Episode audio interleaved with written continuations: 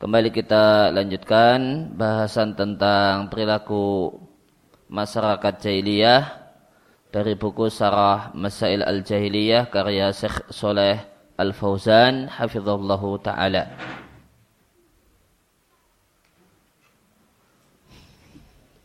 Kita masuk pada poin yang ke-76 yaitu makar yang keras untuk mengokohkan kemusyrikan dan menolak kebenaran. Qala al-musannifu rahimallahu taala al-makrul kuba al-makrul kubaru ka fi'li kaum Nuhin. Makar yang besar sebagaimana kelakuan kaum Nabi Nuh. Penjelasannya makar artinya adalah melakukan sesuatu yang tidak disukai ya, dengan cara yang tersembunyi. Menimpakan sesuatu yang tidak disukai kepada seseorang dengan cara yang tersembunyi. Jadi itu ada dua macam, makar yang baik dan makar yang jelek. Makar yang jelek adalah ya, hial akal-akalan atau tipu daya yang khafiyah yang samar untuk menimpakan kejelekan kepada orang yang tidak berhak mendapatkan kejelekan.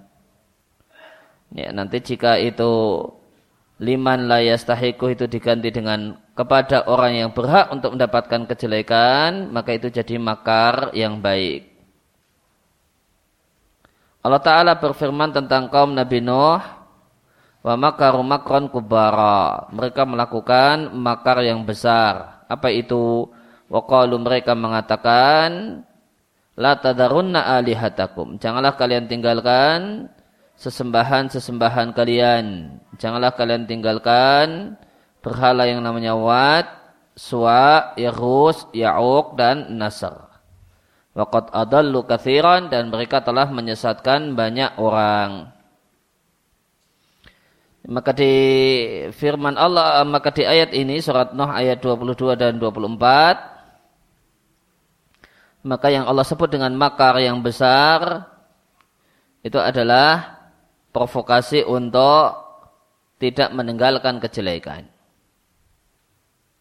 Yaitu dalam hal ini tidak meninggalkan kegiatan beribadah kepada sejumlah berhala. Yaitu berhala-berhala yang disembah oleh kaum Nabi Nuh. Wal kubar dan Kubar artinya adalah al-azim. Sesuatu yang besar. Maka mereka kaum Nabi Nuh, mereka melakukan makar pada manusia dengan makar yang besar dengan cara ini. Itu dengan cara yang jelek ini.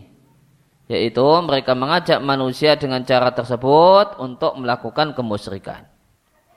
Maka jika datang pada mereka ajaan untuk tauhid, maka mereka takut-takuti manusia. Mereka ingatkan manusia untuk tidak meninggalkan tauhid.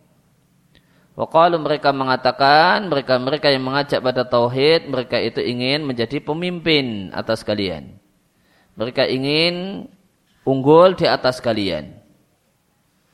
Maka tahsinul qabih mengesankan bagusnya sesuatu yang jelek kepada publik. Demikian juga mengesankan jeleknya sesuatu yang baik kepada publik itulah yang dimaksud dengan makar yang besar dalam surat Nuh ayat 22. Ya. Dan di zaman kita pelaku makar besar ini adalah mass media. Ya. Ya. Mereka melakukan makar besar dengan mengesankan jelek sesuatu yang baik. Dan mengesankan yang baik hal-hal yang sebenarnya jelek. Yang makar besar semacam ini la yazalu terus menerus yuzawiluhu dilakukan oleh du'atul dolal. Oleh orang yang mengajak pada kesesatan. Ya. Boleh jadi kesesatan tersebut dalam artian kesesatan di bidang syahwat ataupun kesesatan dalam bidang subuhat. Sebagaimana di lembar sebelumnya telah disampaikan bahasa itu atau dolal itu ada orang yang mengajak pada maksiat demikian juga termasuk dolal uh, maka termasuk dolal uh, doa dolal orang yang mengajak pada kesesatan adalah orang yang mengajak manusia kepada kemaksiatan.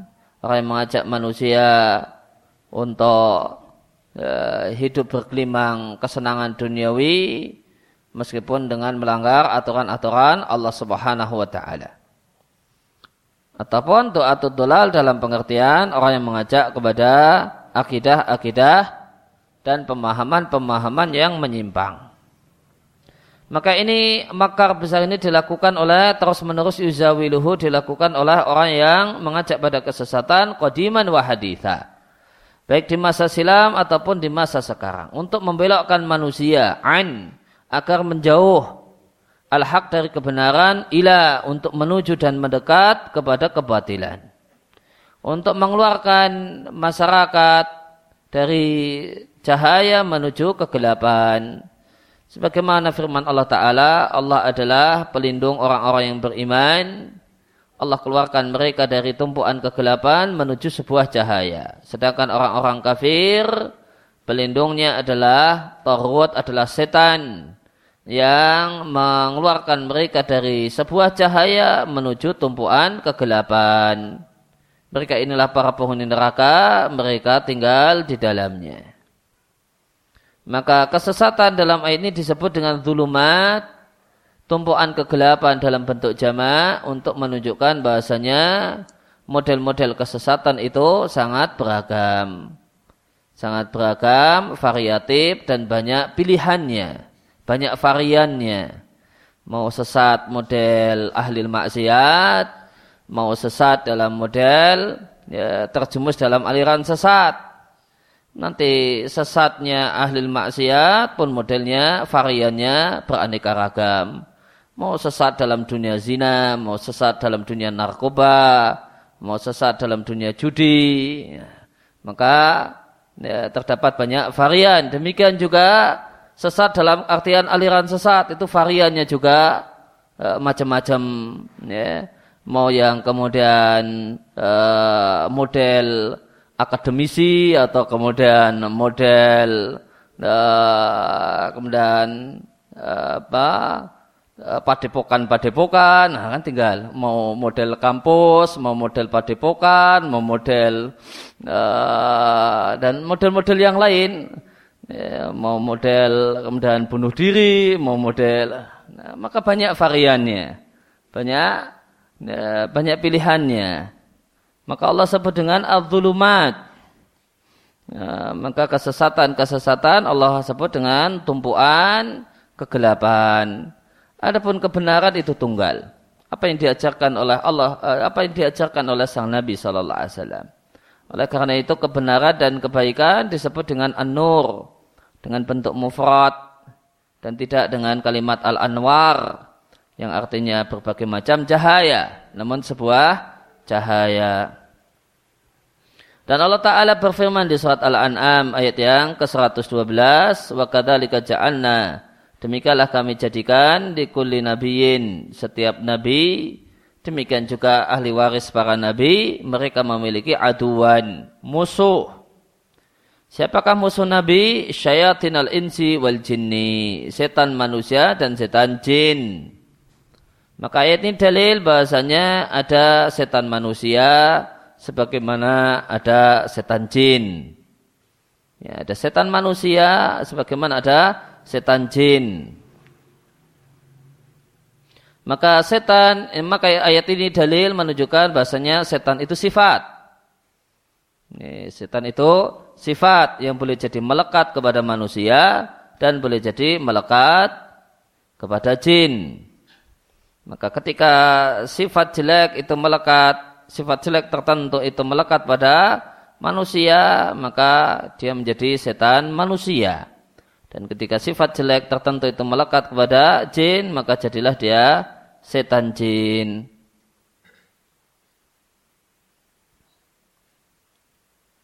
Dan setan manusia di sini disebutkan lebih dahulu daripada setan jin, ya, menunjukkan ya, besarnya godaan setan manusia.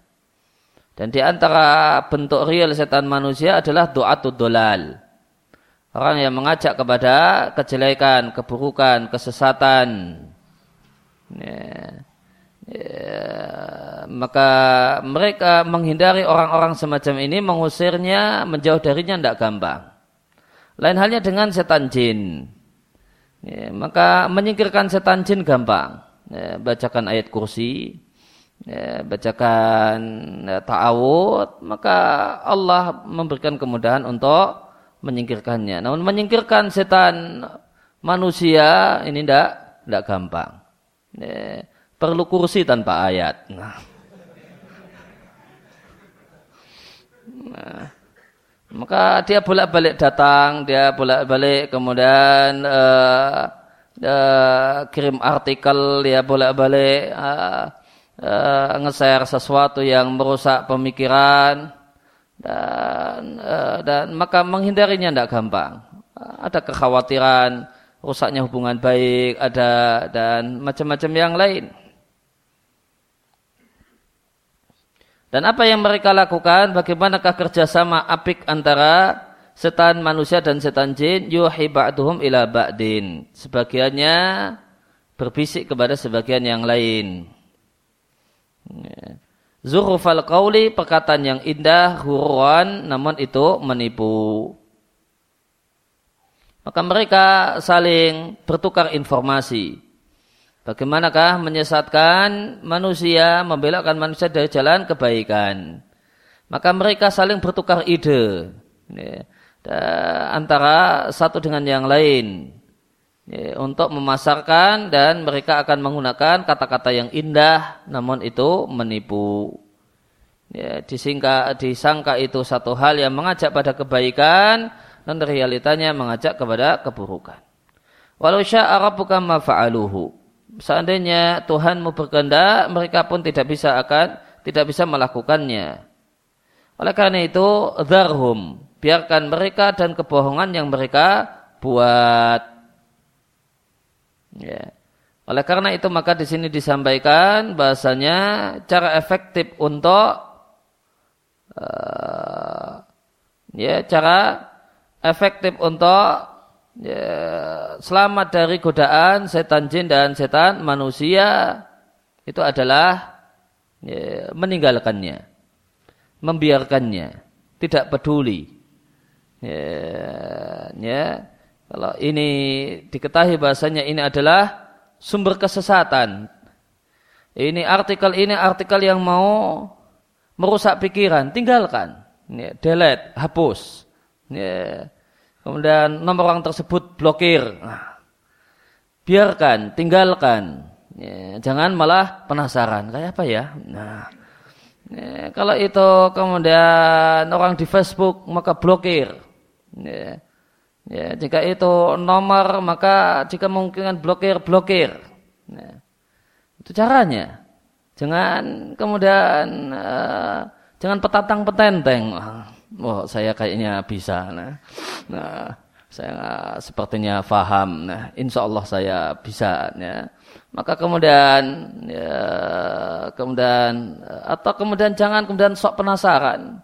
Ya, manakala tidak punya bekal yang mapan, ya, ya, maka kemudian berteman Facebook dengan orang yang menebarkan kesesatan, keburukan.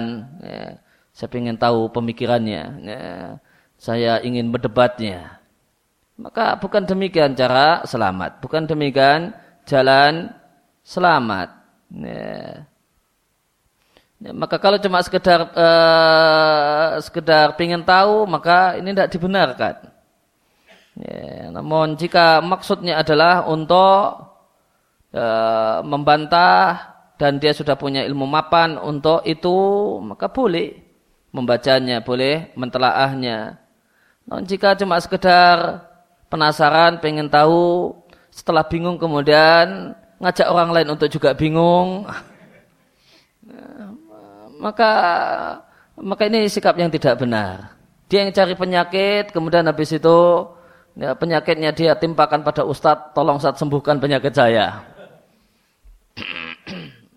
maka ini tidak benar. Cara yang benar adalah tinggalkan. Jauhi. Ini bahasa sekarang blokir. Nah, itu caranya. Zarhum, biarkan mereka dan kebohongannya. Ya, biar mereka menikmati kebohongannya Anda tidak perlu ikut menikmatinya. Ya. Maka artinya fadarhum mayaftarun utrukhum. Biarkan mereka dengan kebohongannya, jangan toleh. Noleh saja tidak boleh, apalagi kemudian eh, mantep mantap mentelaahnya dengan penuh seksama. Nah, akhirnya setelah itu sesat, ya, setelah itu bingung, uh, kemudian uh, ya, kemudian ya, ngajak orang lain untuk juga ikut bingung. Ini saya bingung. Nah, kamu coba membaca ini ikut bingung apa tidak? Ya, maka jangan toleh. Ya, jangan toleh. Jangan toleh itu jangan baca. Tinggalkan. Ya, jangan baca, jangan tinggalkan. Bukan malah kemudian dibaca dengan penuh ketekunan dan penuh seksama. Fahada fihi maka kalimat ini fadarhum mayaftarun fihi mengandung faedah larangan mendengarkan kalimat-kalimat yang diluncurkan dan di pesan-pesan yang disampaikan oleh doa dolal. Orang yang mengajak pada keburukan, orang yang mengajak pada kejelekan, orang yang mengajak pada kerusakan. Jangan dengarkan, jauhi. Itu cara selamat illa ala sabili ma'rifati batilihim. Namun membaca kalimat-kalimat kesesatan, tulisan-tulisan kesesatan tidak terlarang secara mutlak. Tidak terlarang secara mutlak bisa diperbolehkan. Kapan? Cuma dalam satu pengecualian saja.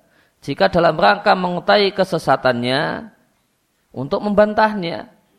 Karena cara yang benar untuk membantah kesesatan ya adalah dengan ya, membaca ya, sumber primer, jangan cuma katanya. Maka itu aib. Nanti orang akan mengatakan, wah itu anda cuma berdasarkan nukilan yang belum tentu valid. Kan? Ya, namun orang ya untuk membantah keburukan maka ya, rujuk pada sumber primernya. Sumber primernya demikian dibaca, ditelaah.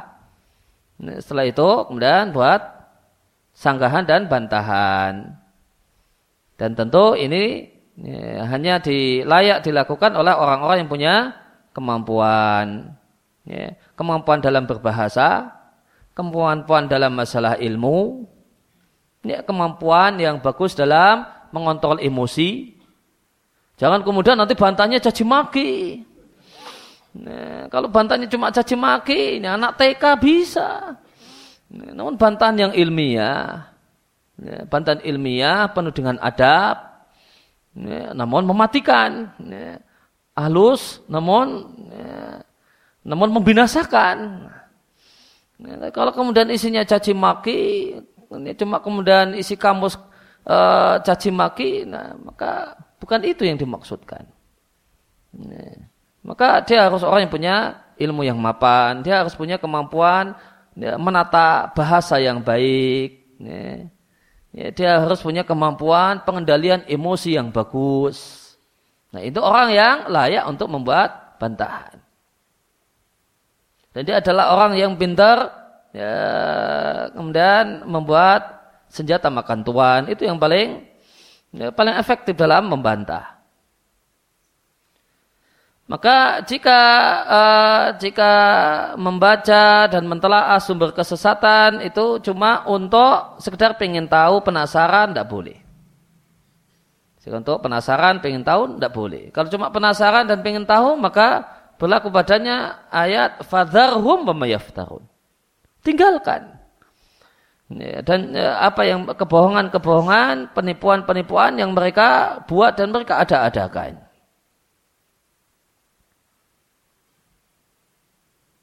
Oleh karena itu Nabi Shallallahu Alaihi Wasallam menyampaikan tentang masalah uh, dajjal. Ya, Nabi sampaikan, "Man sami aminkum dajjal falian a falian a anhu." Siapa di antara kalian yang mendengar munculnya dajjal, maka adalah dia menjauh darinya. Maka Nabi perintahkan untuk menjauh dari sumber kesesatan dalam hal ini dajjal. Ya, maka sikapnya adalah jauhi. Jangan bergaya, oh saya akan ketemu Dajjal untuk mendakwainya. Nah. nah. Ini sikap yang tidak benar, sikap yang tidak sesuai dengan apa yang Nabi ajarkan. Namun falian a anhu jauhilah.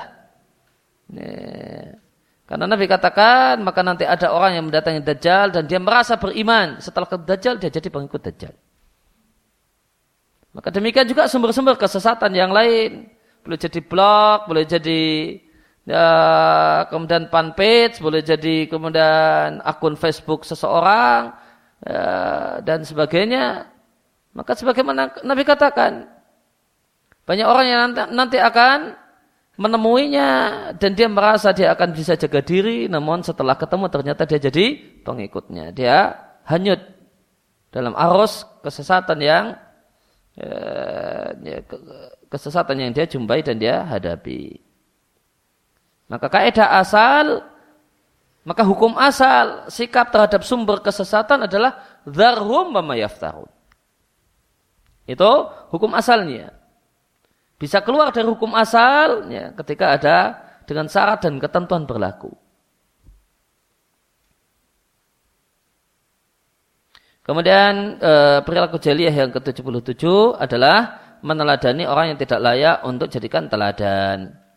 Kalau musanif rahimallahu taala Inna aima tahun senyap para pemimpin mereka itu boleh jadi orang yang berilmu namun fajir, tidak mengamalkan ilmunya dan boleh jadi ahli ibadah namun jahil. Orang yang tidak tahu apa-apa. Sebagaimana firman Allah Ta'ala, Waqatkan afarikum minhum, ya, dan sungguh sekelompok dari mereka, Yahudi, mereka mendengar firman Allah. Kemudian mereka menyelewengkannya mimba di ma'akaluhu setelah mereka memahaminya dalam keadaan mereka tahu.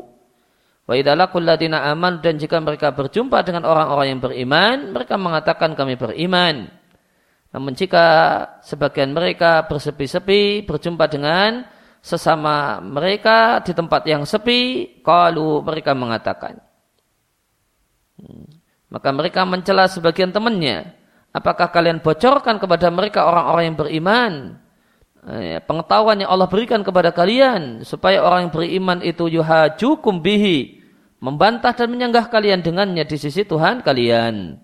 Afala ta'qilun. Wahai kawan, tidakkah kalian berakal? Ya, padahal yang ngomong afala ta'qilun ini juga tidak berakal.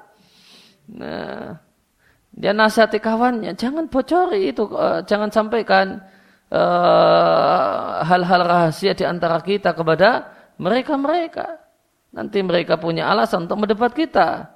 Ya, tolong kamu pakai akal. Nah, yang ngomong ini juga nggak pakai akal. Kalau dia pakai akal, maka oleh karena itu lanjutannya ayat awala ya'lamuna annallaha ya'lamu ma yusiruna wa ma yu'linun. Kalau mereka punya akal, mereka akan sadar.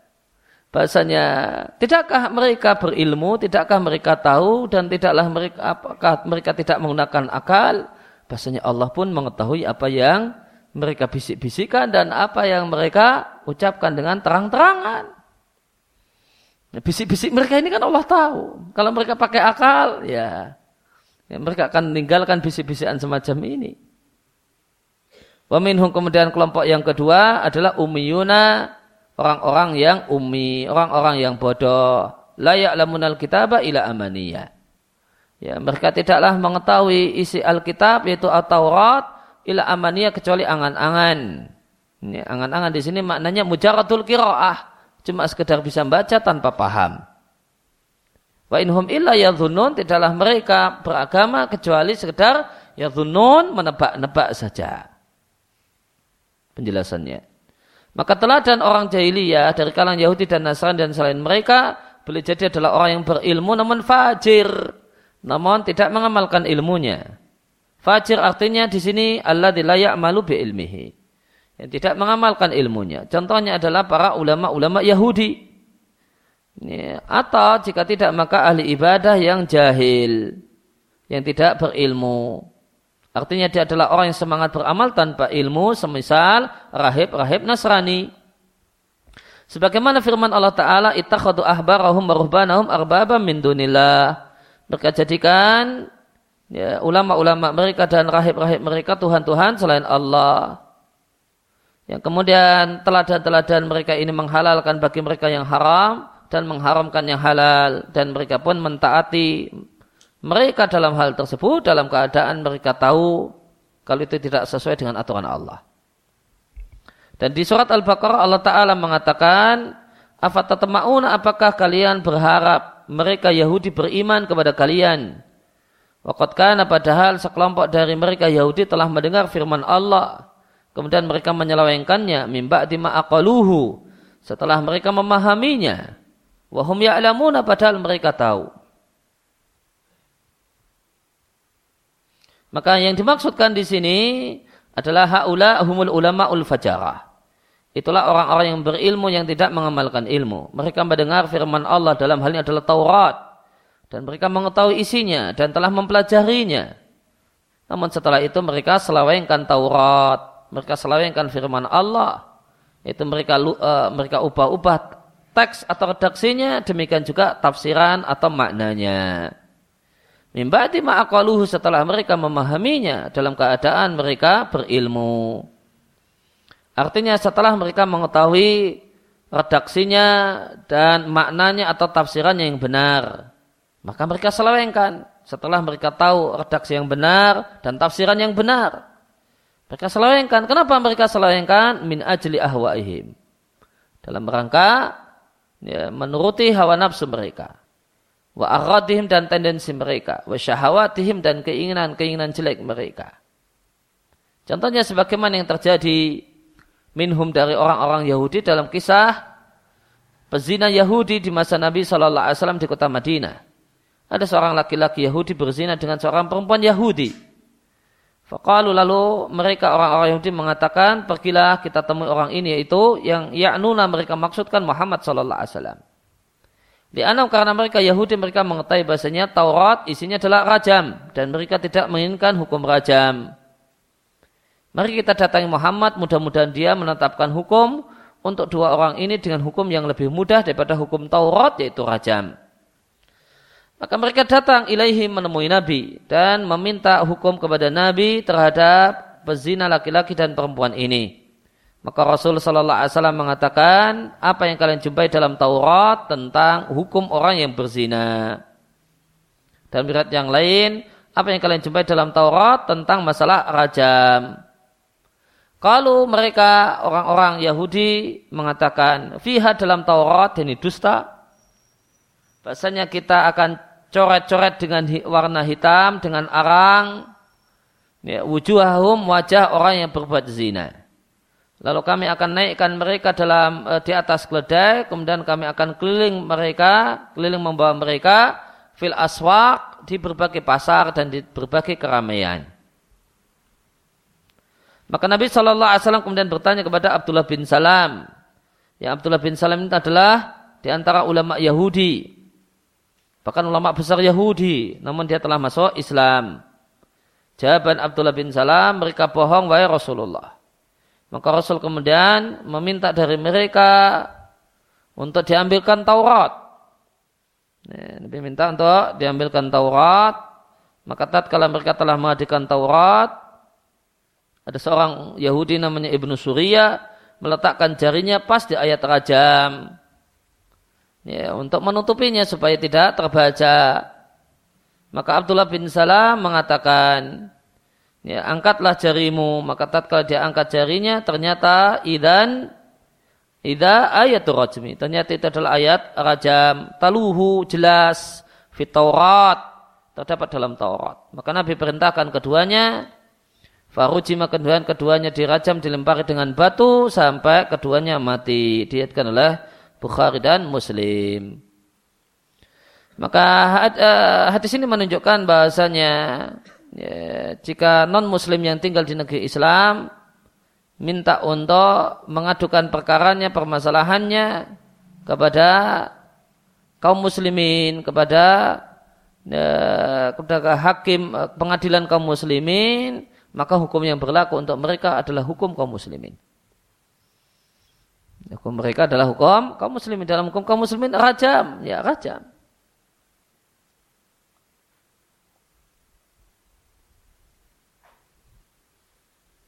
Ya, fahada maka ini uh, hukuman rajam diganti dengan coreng uh, wajah dicoreng-coreng pakai arang sehingga hitam. Ini adalah tahrif penyelewengan yang dilakukan oleh ulama Yahudi terhadap firman Allah. Dan mereka berdusta atas nama Allah Subhanahu wa taala. Dengan tadi berani mengatakan di dalam Taurat ya, hukumannya adalah kami cuma coreng-coreng wajah pelaku zina ya, maka mereka berdusta atas nama Allah Subhanahu wa taala dan mereka menyembunyikan hukum hukum Allah. Dan hukum uh, coreng-coreng ini itu ada asal muasalnya. Ya, asal muasalnya ada latar belakang sosiologisnya. Ya, ya, pada asalnya ya, hukum Taurat adalah rajam. Namun mereka tidak adil dalam masalah menegakkan hukum rajam ini. Jika orang-orang elit berbuat zina, ya, para tokoh dijumpai dan kepergok melakukan zina tidak dihukum. Jika rakyat jelata ya, yang kepergok dan terbukti melakukan zina dirajam. Akhirnya terjadi gesekan sosial antara ya, rakyat jelata dengan para elit. Mereka protes. Ya, ini yang rakyat jelata ini lama-lama nggak sabar menyaksikan uh, fenomena realitas sosial yang mereka lihat dengan mata kepalanya ini tidak adil, ya, maka mereka kemudian marah, akhirnya mereka protes kepada ya, kaum berjuis, ya. mereka protes dengan kaum elit, ya, akhirnya ya, uh, mereka berembuk mereka rebukan cari jalan tengah solusi masalah ini. Cari win-win solution ya. Maka hasil rembukan dua dua kelompok masyarakat Yahudi ini mereka akhirnya menuntut adanya satu hukum yang akan ditegakkan bersama tanpa peduli pelakunya pelaku tindakan kejahatan ini adalah kaum berjuis ataukah bukan. Maka akhirnya ya, ada kesepakatan sosial di antara mereka kaum Yahudi. Ya, kita pakai hukum yang lain, kita tinggalkan Taurat, kita pakai satu hukum yang ini nanti akan dilaksanakan siapa pun pelakunya. Ya, dan ketika itu disepakati, ya, hukum yang hukum yang akan dijadikan sebagai pengganti Taurat Eh, yang itu disepakati akan dipakai oleh ya, dipakai dan dilaksanakan siapa pun pelakunya adalah ketika dijumpai ada orang yang berzina maka dia wajahnya akan dicoret-coret pakai arang. Setelah itu dinaikkan ke kuda atau sejenisnya kemudian diarak keliling kampung. Oh, ini loh orang yang berzina. Ini loh orangnya. Ya. Muter-muter sampai populerlah dia e, di masyarakatnya. Kalau inilah dia pelaku zina nah sudah selesai. Nah, itu hasil kesepakatan sosial antara e, rakyat jelata dengan orang-orang elit Yahudi berkenaan dengan masalah ini. Dan itu berlaku dan mereka laksanakan terus sampai uh, sampai datangnya Nabi kita Muhammad Sallallahu Alaihi Wasallam.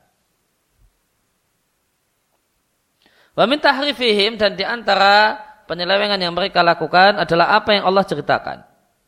Ya, bahasanya Allah memerintahkan mereka untuk memasuki pintu yaitu pintu kota, kota Palestina sambil bersujud sambil mengatakan dan ketika sujud mengatakan hittah yang artinya adalah hatta anna khotayana ya Allah hutta anna khotayana hapuslah dosa-dosa kami maka mereka ganti hutta dengan kata-kata atau hit, uh, hittah.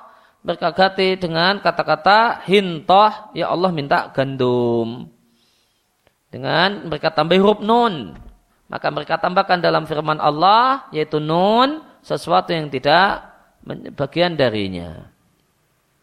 Dan di antara penyelewengan adalah penambahan dalam kitab kitab uh, kitabullah atau pengurangan min kitabullah dari kitabullah atau penafsiran terhadap kitabullah tidak dengan tafsiran yang benar. Ini termasuk penyelewengan. Karena penyelewengan boleh jadi penyelewengan dalam redaksi dan teks dan boleh jadi penyelewengan itu dalam makna dan tafsiran. Ya, wa ala nanti maka dengan model ini setiap orang yang berupaya untuk menafsirkan Al-Quran atau menjelaskan hadis tidak dengan tafsiran yang benar dalam rangka membela madhabnya dalam rangka mengikuti ya, syahwat dan keinginan jeleknya atau mengharap terwujudnya apa yang diharapkan berupa pamrih-pamrih duniawi maka semua mereka adalah orang-orang orang-orang yang semacam ini mengikuti jejak Yahudi Ya, waqala uh, ta'ala ta'ala berfirman dan jika mereka berjumpa dengan orang-orang yang beriman mereka mengatakan kami beriman. Wahada wan nifak inilah kemunafikan. Maka kemunafikan dua muka alias dua muka ada satu muka di depan orang yang beriman satu muka di depan sesama mereka dan penyelewengan terhadap teks-teks ya, ilahi itu adalah tariqatul yahud adalah ya, jalan hidup, jalan beragamanya orang-orang Yahudi. Setelah itu Allah katakan di antara mereka ada orang-orang yang bodoh, orang-orang yang umi yang tidak mengetahui kitab suci kecuali angan-angan, yaitu semata-mata bisa membaca tanpa faham, sehingga tidaklah mereka kecuali menebak-nebak. Inilah ahli ibadah yang bodoh. Mereka bisa membaca Taurat akan tapi tidak tahu makna dan tafsirannya maka ya, maka mereka maka menjadikan mereka mereka ini sebagai imam dan teladan bagi masyarakat Yahudi padahal mereka ini bodoh. Ya, maka inilah gaya orang Yahudi. Oleh karena itu tidaklah diperbolehkan bagi seorang Muslim meneladani kecuali orang yang bi'alimin amilin. Orang yang berilmu dan mengamalkan ilmunya. Inilah yang disebut dengan alim Rabbani. Demikian juga al ibadah yang bodoh tidak boleh jadikan teladan. Meskipun ada pada mereka zuhud dan ya, rajin dalam ibadah. Akan tetapi ketika mereka adalah orang yang bodoh, maka mereka tidak di atas jalan yang benar. Dan tidak di atas hidayah dari Allah subhanahu wa ta'ala. Ya. Dan di sini kita jumpai bahasanya membaca kitab suci namun tidak tahu maknanya itu Allah sebut dengan sebutan berangan-angan terhadap kitab suci. Ya, maka ini celaan pada orang yang ya, bisa membaca ya, membaca kitab suci namun tidak faham isinya. Ya, tidak faham ya, pesan apa yang Allah inginkan. Apa artinya, apa maksudnya dari apa yang dibaca. Maka orang yang cuma sekedar membaca namun nggak tahu artinya dalam hal ini baca Al-Quran namun nggak nggak ngerti bahasa Arab maka ya, mereka ini disebut dengan orang-orang yang berangan-angan terhadap kitab suci. Berangan-angan terhadap kitab suci. Ya, maka ini menunjukkan pentingnya kaum muslimin untuk belajar bahasa Arab. Sehingga dia tidak termasuk orang-orang yang Allah sebut orang-orang yang berangan-angan. Itu orang yang ngimpi, berangan-angan. Ya, berangan-angan karena dia tidaklah beragama dengan jelas dan gamblang.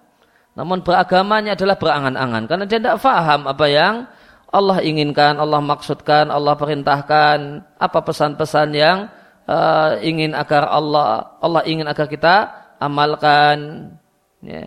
Dan orang yang cuma bisa membaca, ya, cuma bisa membaca menendak faham itu Allah sebut dengan umi hmm, umi orang yang bodoh meskipun dia doktor dia profesor dia membaca, membaca Al-Quran bisa namun nggak ngerti apa isi Al-Quran yang dibaca ya, maka dia umiyun ya, dan itu itu label yang melekat pada dirinya dan tidak akan lepas kecuali dia serius belajar sehingga mengerti apa yang dibaca.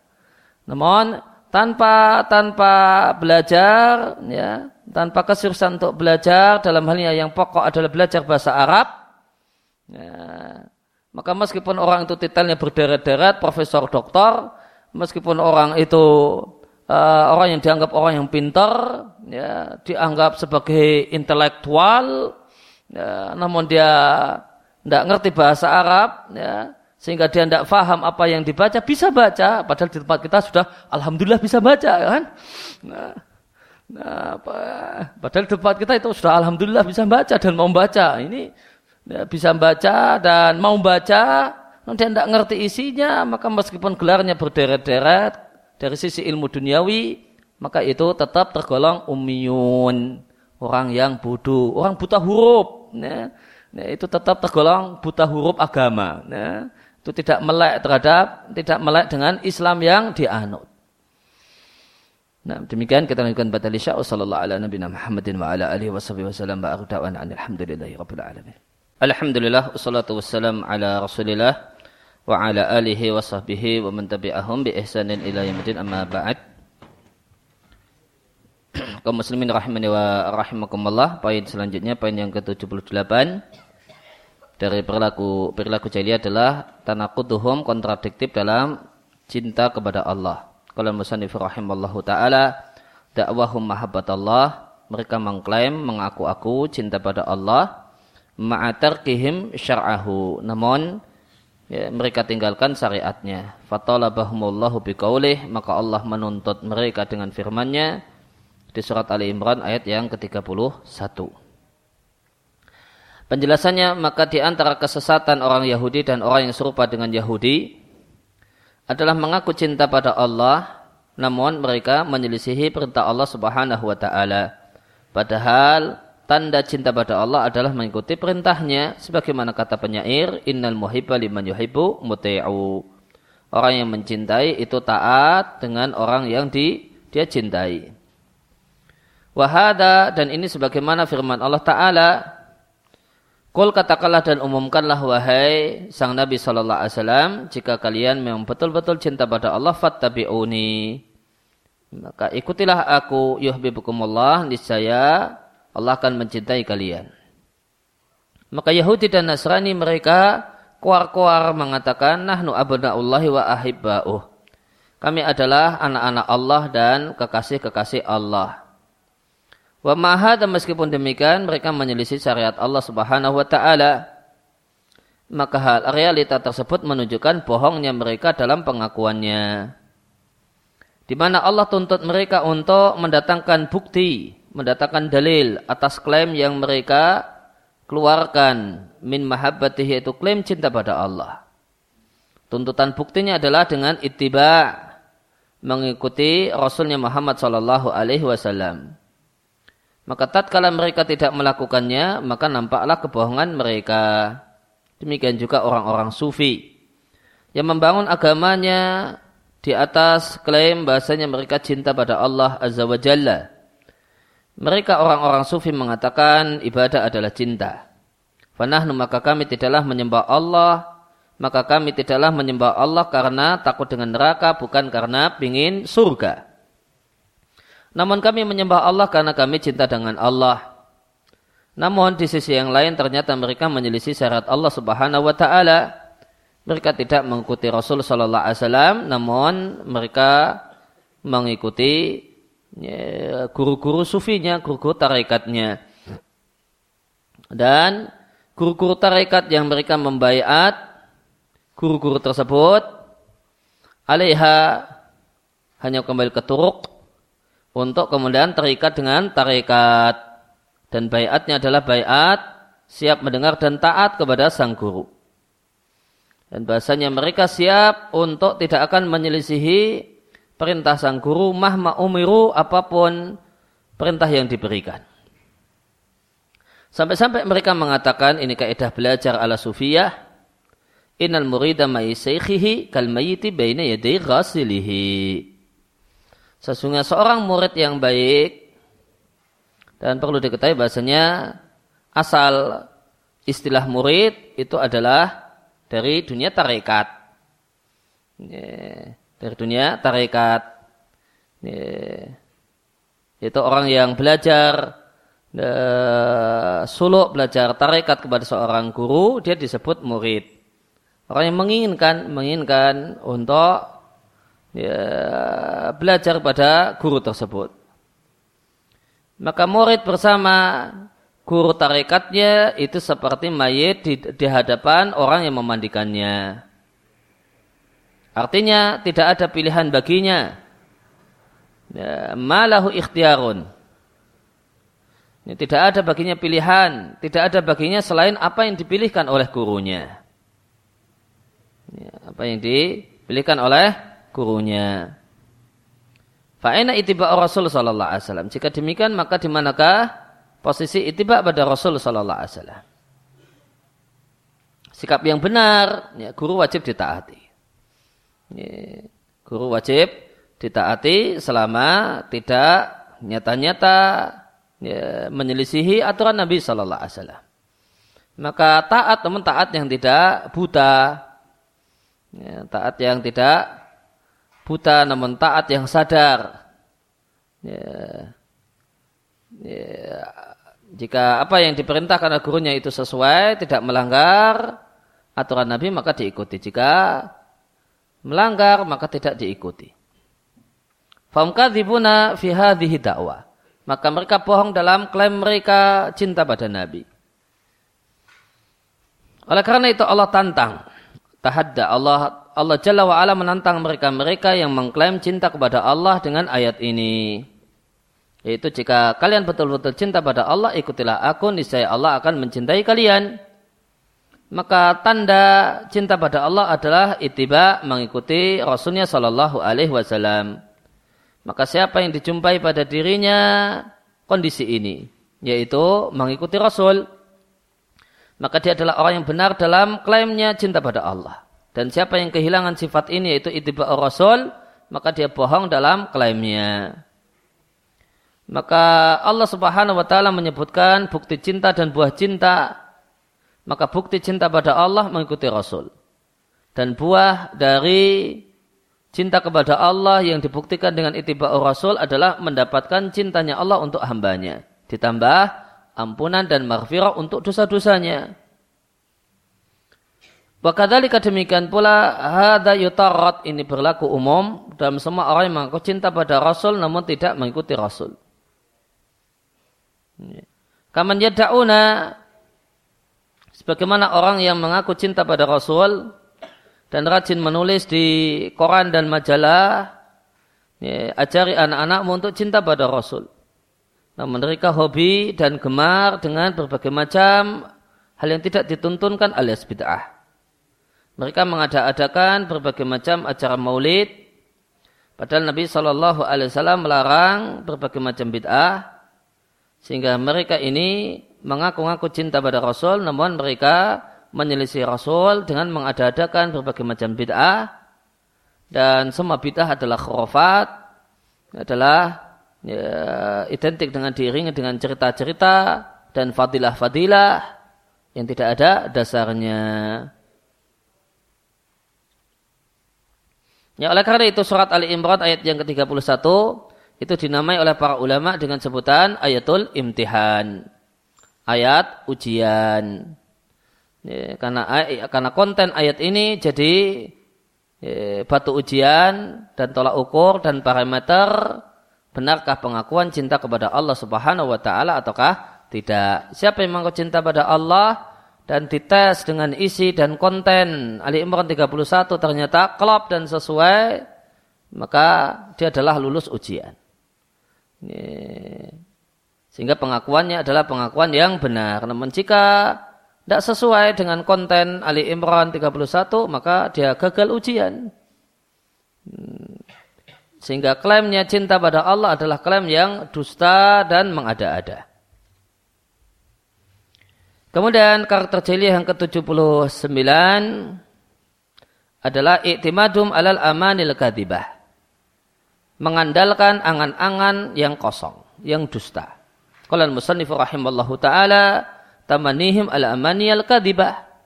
Mereka berangan-angan dengan angan-angan yang dusta. Sebagaimana firma, sebagaimana perkataan mereka. Itu perkataan orang-orang Yahudi. Lantamasana naru ila ayam ma'dudat. Kami tidak akan masuk neraka kecuali beberapa hari yang bisa dihitung. Demikian juga perkataan mereka.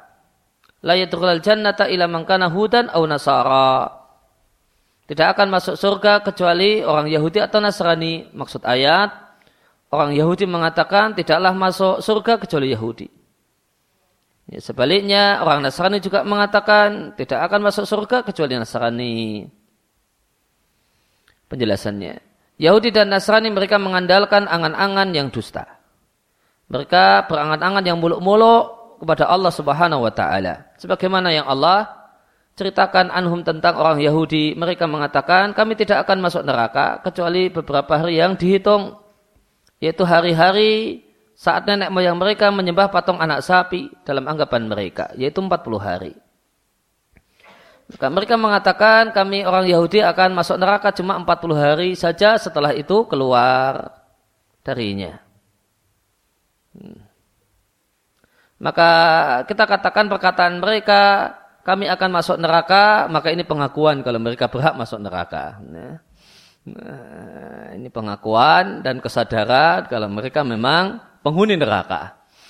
Adapun ila ayam ma'dudat, mah maka ini kalimat yang dusta dan bohong. Nah, ya, tanpa dasar, ya, sekedar angan-angan. Oh, kami punya nenek moyang kami punya kesalahan, nyembah patung anak sapi selama 40 hari, selama ditinggal oleh Musa, ya, ya maka kira kayak-kayaknya masuk nerakanya. Nah, coba 40 hari itu saja. Maka Allah bantah mereka orang-orang Yahudi dengan Allah katakan, tanyakan wahai Muhammad. Atakhattum ingdallahi ahdan, apakah kalian sudah punya perjanjian dan kontrak dengan Allah subhanahu wa ta'ala? Nah. Sehingga kalau ada perjanjian, maka Allah tidak akan menyelisih ahdahu janjinya. Hmm. Apakah ada kontrak bahasanya kalian memang kontrak dengan Allah masuk neraka cuma 40 hari saja. Kalau mereka tidak ada kontrak, maka berarti pilihannya yang kedua. Am takuluna 'alallahi ma la ta'lamun. Ataukah, ataukah kalian adalah orang-orang yang nekat dan lancang berkata-kata tentang Allah, tentang apa kehendak Allah dalam masalah masuk neraka dan berapa waktu lama seorang itu masuk neraka, sesuatu yang kalian tidak punya ilmu tentangnya. Bahkan yang benar, kaidah tentang masalah masuk neraka dan masuk surga adalah sebagai berikut. Man kasaba sayi'atan Siapa yang mengupayakan dosa wa ahatat bi khati'atuhu dan dosa-dosa itu mengepung dirinya dan menutupi dirinya. Dan dosa itu tidaklah mengepung seseorang kecuali itu adalah kekafiran. Faulaika asabun nar itulah penghuni neraka, mereka kekal di dalamnya. Maka ini sanggahan untuk orang Yahudi yang mengatakan kami hanya masuk neraka dalam bilangan yang bisa dihitung. Sebagaimana Allah sanggah orang Yahudi di surat Ali Imran Allah katakan, tidakkah engkau melihat dan mengetahui orang-orang yang diberi satu bagian dari kitab suci? Mereka diajak untuk kepada kitab Allah supaya sang Rasul memutuskan di antara mereka. Namun sekelompok dari mereka berpaling, wahum oridun dan mereka berpaling. Dari hal tersebut dikarenakan mereka mengatakan, yaitu orang Yahudi, kami tidak akan masuk neraka ilam ayam memakdudat, kecuali beberapa hari yang bisa dihitung, yaitu 40 hari. Wararahum fi dinihim maka nuyaftahun. Maka mereka terkecoh tentang agama mereka dengan kebohongan yang mereka buat sendiri. Ya, mereka bikin nyaman dirinya ya, dengan kebohongan yang mereka buat-buat sendiri. Mereka buat-buat kebohongan dan dengan kebohongan tersebut mereka menentramkan hatinya. Fakaifa idza jama'nahum maka bagaimanakah jika kami kumpulkan mereka pada hari yang tidak diragukan yaitu hari kiamat dan dibalaslah setiap jiwa apa yang mereka lakukan tanpa mereka dizalimi sedikit pun. Dan Allah Ta'ala juga berfirman di surat An-Nisa tentang masalah masuk surga dan masalah masuk neraka. Ya. Laisa bi amanikum masuk surga itu bukanlah sekedar angan-angan. Baik angan-angan kalian ataupun angan-angan ahli kitab. Tidak ada masuk surga itu angan-angan. Masuk surga itu adanya adalah jeripayah dan kerja keras. Bukan sekedar bermimpi saya besok masuk surga. Ya, namun harus kerja keras yaitu beramal. Man ya'mal su'an yujzabihi. Siapa yang ber, beramal kejelekan maka dia akan mendapatkan balasan. Wala yajid lahu min dunilai waliya wala nasira. Dan dia tidak akan jumpai di, uh, min dunillah selain Allah, ya, pembela tidak pula penolong.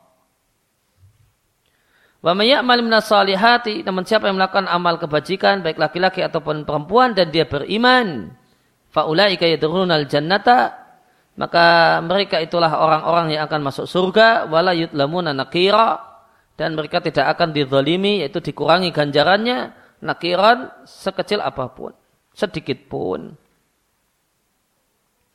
maka masuk surga itu bukan angan-angan kalian wahai orang-orang yang beriman Bukan pula angan-angan ahli kitab. Masuk surga itu masalahnya masalah kerja keras dan kesungguhan. Dan bukan hanya sekedar bermimpi, berangan-angan. Ya. Namun masuk surga itu berharap. Dan berharap rojak berbeda dengan tamanni. Ya, yang namanya rojak dalam bahasa Arab berharap artinya adalah menginginkan sesuatu, menyukai sesuatu dan melakukan upaya untuk mendapatkannya. Nah, adapun amani itu menginginkan dan menyukai sesuatu namun ya, dia cuma duduk termangu tidak melakukan apa-apa. Maka itu namanya amani. Maka orang ingin masuk surga namun tidak beramal. Itu namanya amani. Non orang yang ingin masuk surga dan dia kerja keras melakukan amal-amal yang mendekatkan ke surga. Nah ini namanya roja. Kemudian yang ke-80 adalah huluwuhum fil askhas. Ya, adalah sikap berlebihan terhadap person-person tertentu. Kultus bahasa kita. Kalau al-musannif rahimahullah ta'ala itikhadu kubur anbiya'ihim wa salihihim masajidah. Di antara perilaku jahiliyah adalah menjadikan kubur para nabi dan orang saleh sebagai tempat ibadah. Penjelasannya maka di antara perilaku jahiliyah baik jahiliyah ahli kitab ataupun non ahli kitab adalah menjadikan kubur para nabi dan orang soleh sebagai tempat ibadah. Wahadakana dan ini dulu telah terjadi walayazalu dan terus menerus ada pada orang Yahudi dan Nasrani. Demikian juga ada pada orang-orang musik Arab. Demikian juga dilakukan oleh orang-orang yang menisbatkan diri pada Islam. Orang yang mengaku-ngaku Islam padahal dia adalah penyembah kubur dan kubur. Dan ahlul kitab dia adalah orang yang pertama kali melakukan hal ini. Sebagaimana sabda Nabi Shallallahu Alaihi Wasallam, Ina mangkana kebelakum sunya orang-orang sebelum kalian mereka menjadikan kubur sebagai tempat ibadah. Maka janganlah kalian menjadikan kubur sebagai tempat ibadah. Yang dimaksud dengan masjid di sini adalah al-musalliyat, adalah musalliyat, tempat solat. Yang mereka solat dan beribadah di tempat itu. Li'ana solata ingdaha karena solat di dekat kubur adalah sarana menuju ibadah menyembah kubur. Meskipun wa ingkana al musalli meskipun orang yang solat tersebut solatnya tertuju hanya untuk Allah. Akan tapi jika seorang itu solat di dekat kubur maka ini sarana untuk menyembah kubur. Hmm. Dan itu adalah salah satu makna menjadikan kubur sebagai masjid yaitu solat di dekat kubur. Fakaifa idza maka bagaimanakah lagi jika doa minta pada kubur wastanjata bihi dan minta ya, pertolongan kepada kubur wastaghatha dan minta tolong dengan kubur. Kama yukalu al-an sebagaimana ungkapan yang dikatakan saat ini di samping berbagai macam kubur. Maka ini adalah di antara bentuk agama jahiliyah, yaitu jahiliyah Yahudi dan Nasrani serta selain mereka. Ya, maka hadis yang tadi di uh, kita baca inna mangkana qablakum ya, ini uh, menunjukkan kemudian Nabi melarang menjadikan kubur sebagai masjid. Jadikan kubur sebagai masjid. Kemudian dimaknai oleh Sesoleh Al-Fauzan bahasanya yang dimaksud menjadikan kubur sebagai masjid adalah menjadikan kubur sebagai musalliyat, tempat solat yang solat ingdaha di dekatnya. Nah, maka ya, makna menjadikan kubur sebagai masjid adalah sholat di dekat kubur. Sholat ikhlas karena Allah dan untuk Allah ya, di dekat dan di samping kubur. Itu menjadikan kubur sebagai masjid dan ini satu hal yang terlarang dan dilarang oleh Nabi Falata terhidul kubur masajida. Janganlah kalian jadikan kubur sebagai tempat untuk bersujud, tempat untuk sholat. Ya. Padahal e, sholat di dekat kubur apakah itu kemusyrikan? Bukan. Beliau katakan sholat di dekat kubur itu bukan kemusyrikan. Itu itu adalah bid'ah dalam ya, dalam agama dan itu adalah sarana kemusyrikan. Di anna salata indaha wasilatun ila ibadatiha. Ibadatiha sama dengan asyirku. Maka itu belum kemusyrikan. Belum kemusyrikan. Kemudian adalah bid'ah dalam sholat. Ketika orang itu sholat di dekat kubur bukan karena kebetulan, karena dengan sengaja, bahkan dengan iktikat, ya, istimewanya sholat di samping kubur, maka ini bid'ah. Dan ingat ini bukan kemusyrikan. Karena tidak ada sisi kemusyrikan di sini. Dia sholat di dekat kubur. Salatnya lillah, kata beliau tadi, salatnya lillah. Salatnya untuk Allah Subhanahu wa taala. Maka tidak ada sisi kemusyrikan di sini. Tidak ada sisi kemusyrikan di sini. Ya, namun, namun ini wasilatun ila syirki, sarana menuju kemusyrikan. Maka jika sarana menuju kemusyrikan Nabi katakan terlarang, ala falat maka tadi dikatakan fakaifa, maka bagaimanakah lagi jika yang terjadi adalah kemusikan itu sendiri dengan berdoa dan minta-minta kepada orang yang sudah mati. Maka tentu ini lebih terlarang karena kemusikan adalah maksiat yang paling maksiat, kezaliman yang paling zalim, kejahatan yang paling jahat. Karena kejahatan terhadap hak Allah Subhanahu wa taala. Oleh karena itu maka berdasarkan penjelasan ini maka sekedar ada lihat ada kubur kemudian ada orang yang sholat di dekatnya ya ya maka tidak bisa kemudian orang kemudian mengeluarkan hukum general.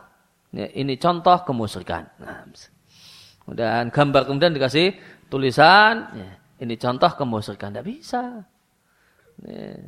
karena boleh jadi dia cuma baru statusnya adalah as-salatu ingdal kubur ya, bukan as-salatu lil kubri bukan salat untuk kubur dan orang untuk orang yang sudah mati. Dia salatulillah namun ingdal kubur. Dan ada wa, wa hadi bid'atun dan ini bid'ah dan ya, bukan syirkun namun ya, itu wasilatun ila syirki satu langkah lagi satu langkah untuk mendekati kemusyrikan.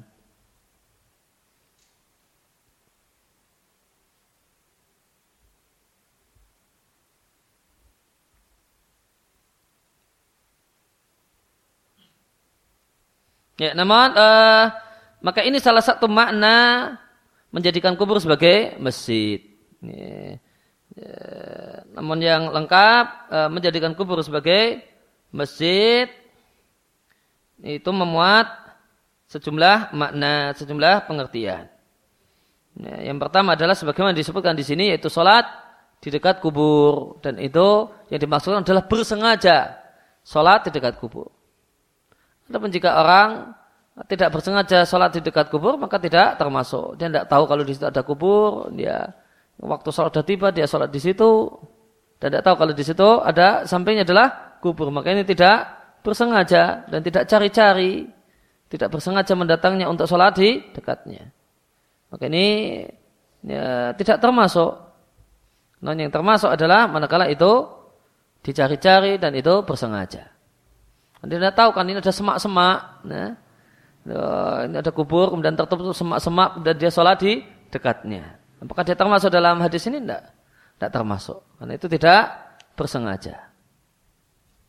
Kemudian makna yang kedua adalah ya membuat masjid, membuat bangunan ibadah uh, yang meliputi kubur tersebut. Ini ada kubur, kemudian dibuatlah bangunan sehingga kubur itu ada di dalamnya. Dan itu masjid atau tempat ibadah.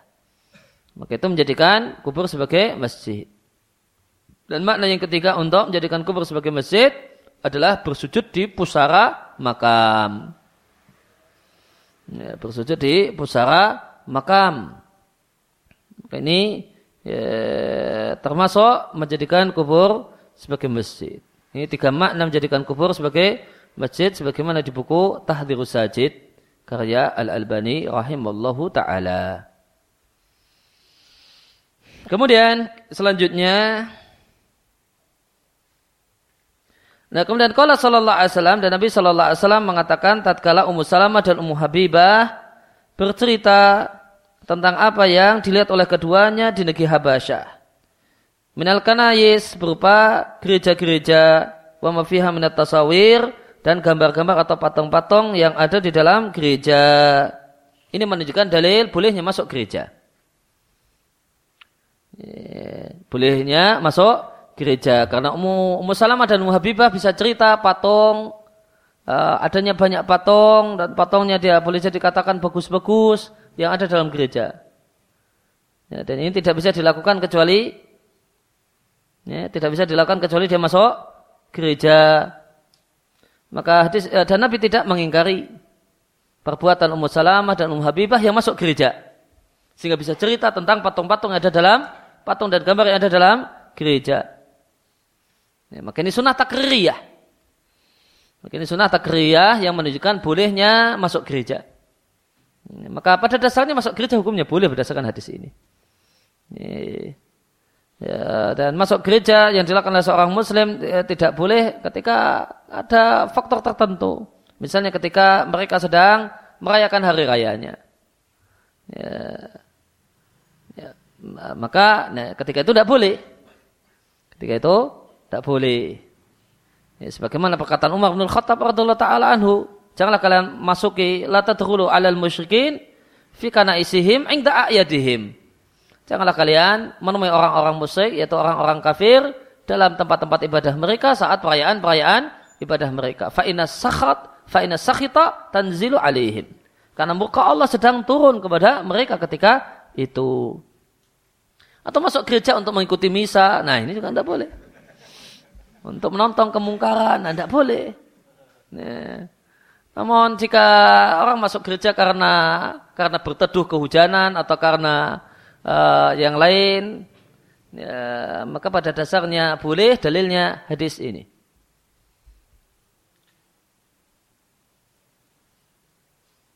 Liana Ummu Salamah karena Ummu Salamah dan Ummu Habibah keduanya pernah berhijrah ke Habasyah yaitu ke Ethiopia dan Ethiopia ketika itu adalah negeri Ya, yang resmi eh, agama negaranya adalah Nasrani.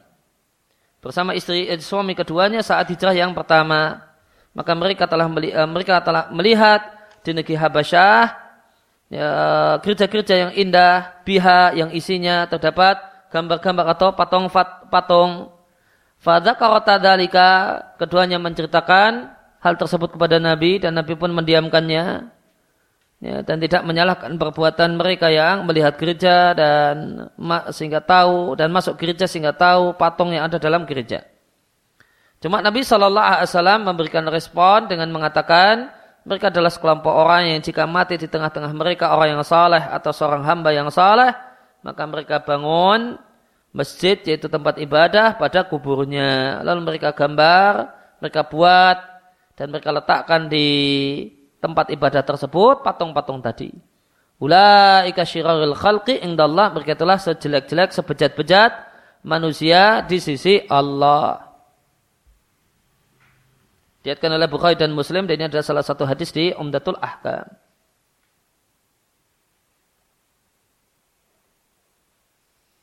Famin dinil jahiliyah maka di antara agama jahiliyah adalah menjadikan wali dan orang soleh sebagai Tuhan-Tuhan selain Allah Azza wa Jalla yang mereka beranggapan bahasanya ya, orang-orang salah tersebut bisa mendekatkan mereka ilallah kepada Allah zulfa sedekat-dekatnya.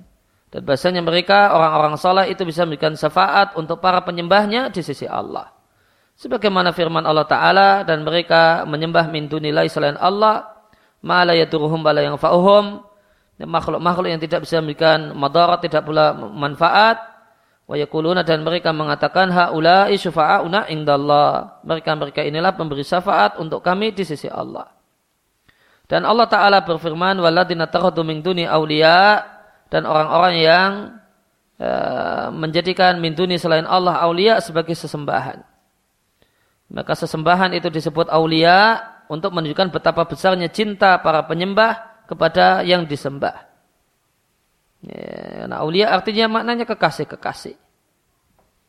Maka berhala-berhala sesembahan selain Allah itu disebut aulia untuk menunjukkan Betapa besarnya cinta mereka para penyembah kepada berhala-berhala yang mereka sembah. Mereka mengatakan mana butum illa liqaribuna ilallahi zulfa. Kami tidak menyembah mereka kecuali supaya mereka mendekatkan diri kepada mendekatkan kami kepada Allah zulfa sedekat-dekatnya. Maka yang mereka lakukan adalah syirkun wa bid'atun. Mana butum illa ini menunjukkan syirkun.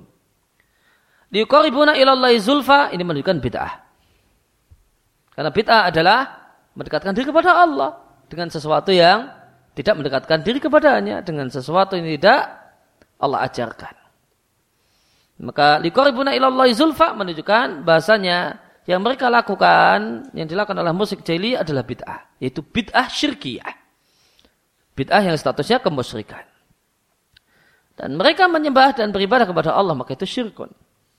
Mana budum illa menunjukkan kalau mereka menyembah selain Allah maka ini syirkun. Maka haula mereka-mereka tidaklah meyakini bahasanya berhala-berhala yang mereka sembah itu bisa mencipta, memberi rezeki, menghidupkan dan mematikan. Baliak tarifuna bahkan mereka mengakui bahasa ini adalah khusus bagi Allah Azza wa Jalla.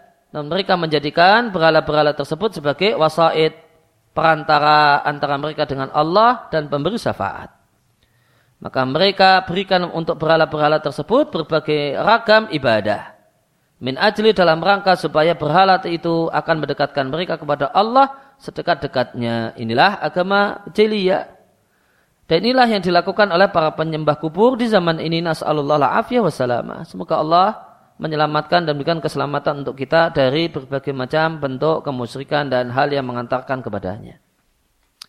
Wa minal ghulu fil kubur dan di antara bentuk sikap berlebihan terhadap kubur dan penghuni kubur adalah membuat bangunan di atas kubur dan menerangi kubur, kemudian meletakkan kelambu atau kain padanya, kemudian menulisinya, dan tajsis memberikan jas.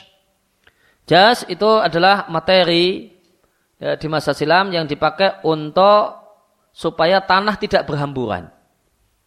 Fungsi jas itu supaya tanah apalagi ini di di Arab banyak angin supaya tidak berhamburan maka ada satu materi tertentu namanya jas yang dengan itu maka kerikil dan itu tanah yang ada tidak berhamburan. Nah, karena itu terjemah yang terjemah bebas yang mendekati adalah menyemennya. Sebagian menerjemahkan dengan mengkapurnya.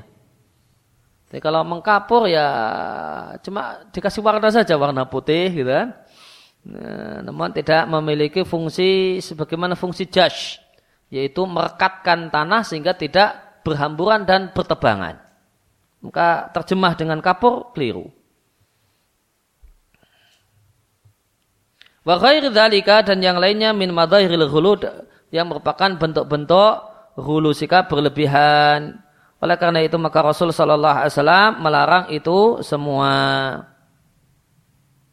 Nabi melarang membuat bangunan di atas kubur membangun kubur. Yeah.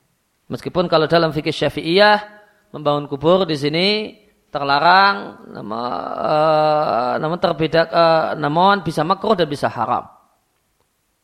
Bisa makruh dan bisa haram. Sebagaimana di uh, kifayatul akhyar.